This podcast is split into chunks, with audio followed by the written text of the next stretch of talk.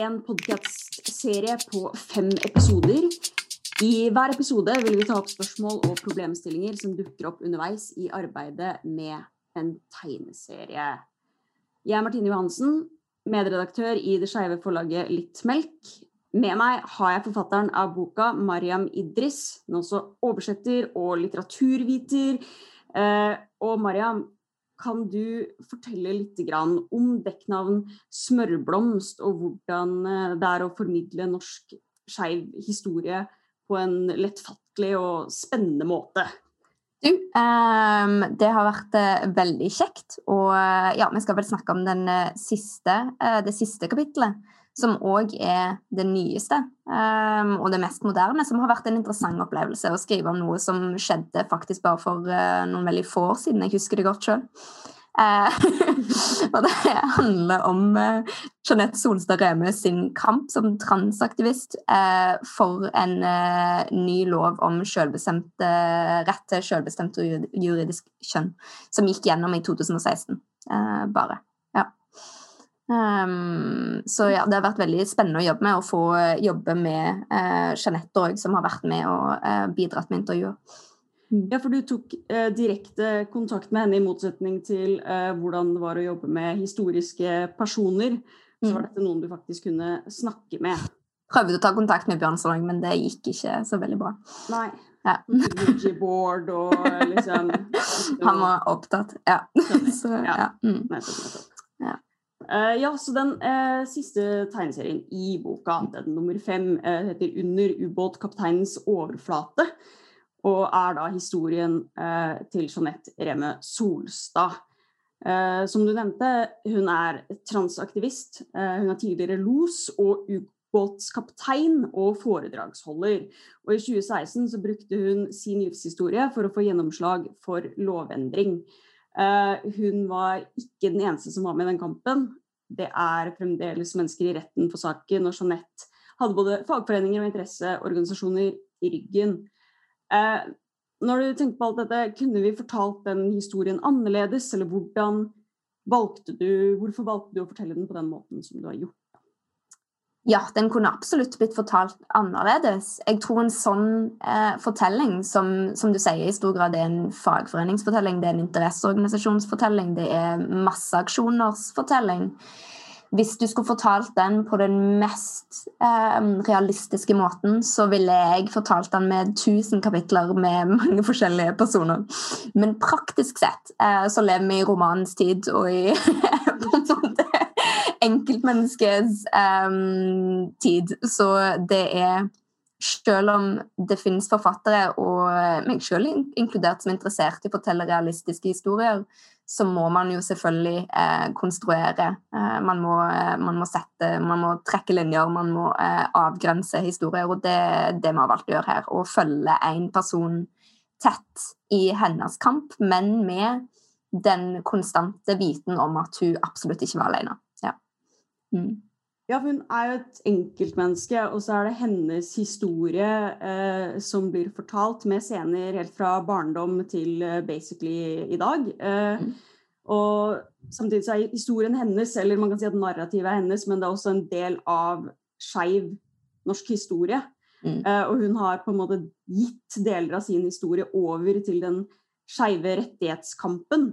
Mm. Um, og i, i den siste ruta, eh, siden dette ikke er en sånn slags eh, krim eller noe, så kan vi kanskje avsløre det, at i den siste ruta så overrekker hun bokstavelig talt eh, stafettpinnen mm. til den yngre generasjonen. Og da tenker jeg, Hvordan kan man inkludere flere skeive fortellinger? altså med andre ord, Hvordan vil en kollektiv skeiv historiefortelling sette ut? Eller er det på en måte kanskje allerede en slik kollektiv fortelling som vi har skrevet, da. Um, det, altså, det, tror jeg er en del av prosjektet Smørblomst. Absolutt. For det er jo en samling med fortellinger fra helt forskjellige tider, helt forskjellige personer. Men som, altså, det eneste de har til felles, er at de alle sammen er en del av en, en skeiv historie. Som jeg tror at vi nå begynner på en måte å oppdage at alle disse tingene At vi sjøl har vært en del av skeiv historie. Altså, jeg husker 2016, og jeg husker denne loven. Um, at alle på en måte de små historiene. Hvis du skal fortelle historier om kjønn og historien om seksualitet, det er jo såpass intime ting at historiene kommer alltid til å være personlige, kommer alltid til å være intime og om enkeltmennesker. Men det som jeg syns var veldig interessant, som Jeanette sjøl sa, um, var at dette er oppskriften, da, var det hun uh, mente. At det sånn som ting ble gjort uh, den gangen i 2016, var, kan fungere som en oppskrift for ungdom videre. For mm. kampen er jo på ingen måte gjort.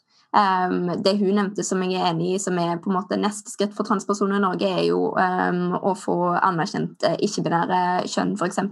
Og der mente hun at, uh, at oppskriften uh, på hvordan man skal få det gjennom, allerede er på plass. Den ble brukt for å få gjennom retten til selvbestemt juridisk kjønn, og kan brukes igjen for å få anerkjent ikke-binære kjønn juridisk sett i Norge. Og det er jo sånn når man tenker på det, det er der jeg tror det er nyttig å fortelle enkeltpersoner sin fortelling, fordi at den kan bli til noe større. Man kan bruke den eh, som et slags speilbilde og jobbe videre på det. Da. Ja. Mm. Det er kjempespennende. Uh, det er jo en, en form for uh, fiksjonsfortelling også, det som du har laget, men det er på en mm. måte fortsatt veldig inntil beinet. Mm. Eh, men personer lov, ekte personer får lov til å være karakterer, liksom tegneseriekarakterer som snakker og gjør ting og møter folk og reagerer. Mm. og um, hvordan, uh, hvordan uh, føler du at Hva er liksom metoden som du har brukt? Hvordan vil du beskrive den, uh, din, din, metodikk da, for å, for å på en måte blande disse to sjangerne på et vis? Ja, det er jo, man må hele tiden, det, det, var noe jeg tenkte veldig mye på. Hvordan skal man For uansett struktur er uansett fiksjon, som du sier. Det er jo, det blir, altså uansett, Når jeg forteller hva jeg gjorde på i forrige uke, så er det, det er på sett og vis òg fiksjon. på en måte. Man kan aldri fortelle om sitt eget liv uten at man gjør det bitte litt til en roman. Det er sånn vi tenker. Um, og da tror jeg, når man innser det, som en på en måte legger det til grunn, at uansett eh, en fortelling kommer uansett alltid til å ha en struktur som er um, ikke sånn som det virkelige livet er, mm. um, så kan man begynne å tenke på uh, hva som er kjekt å lese.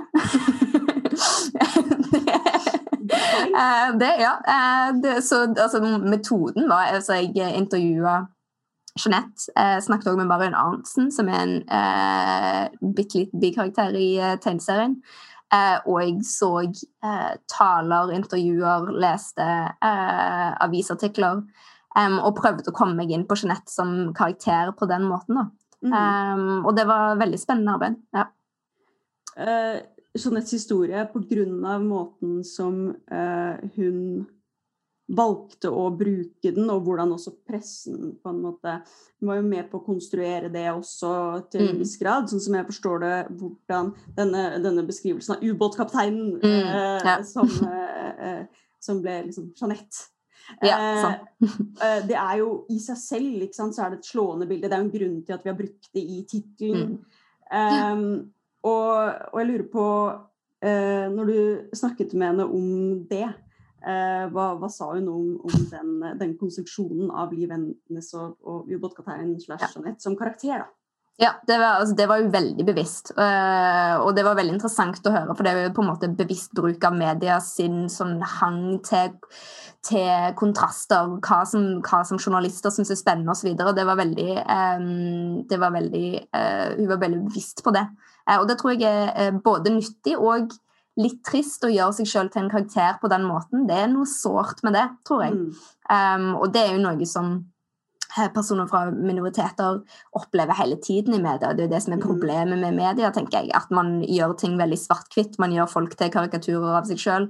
Mm. Uh, og være bevisst på det å bruke det til å få gjennomslag for lover som gir, uh, gjør livet lettere for transpersoner i Norge. Det er fantastisk. Det er jo trist mm. at man må gjøre det, men, uh, men det er jo godt jobba, tenker jeg.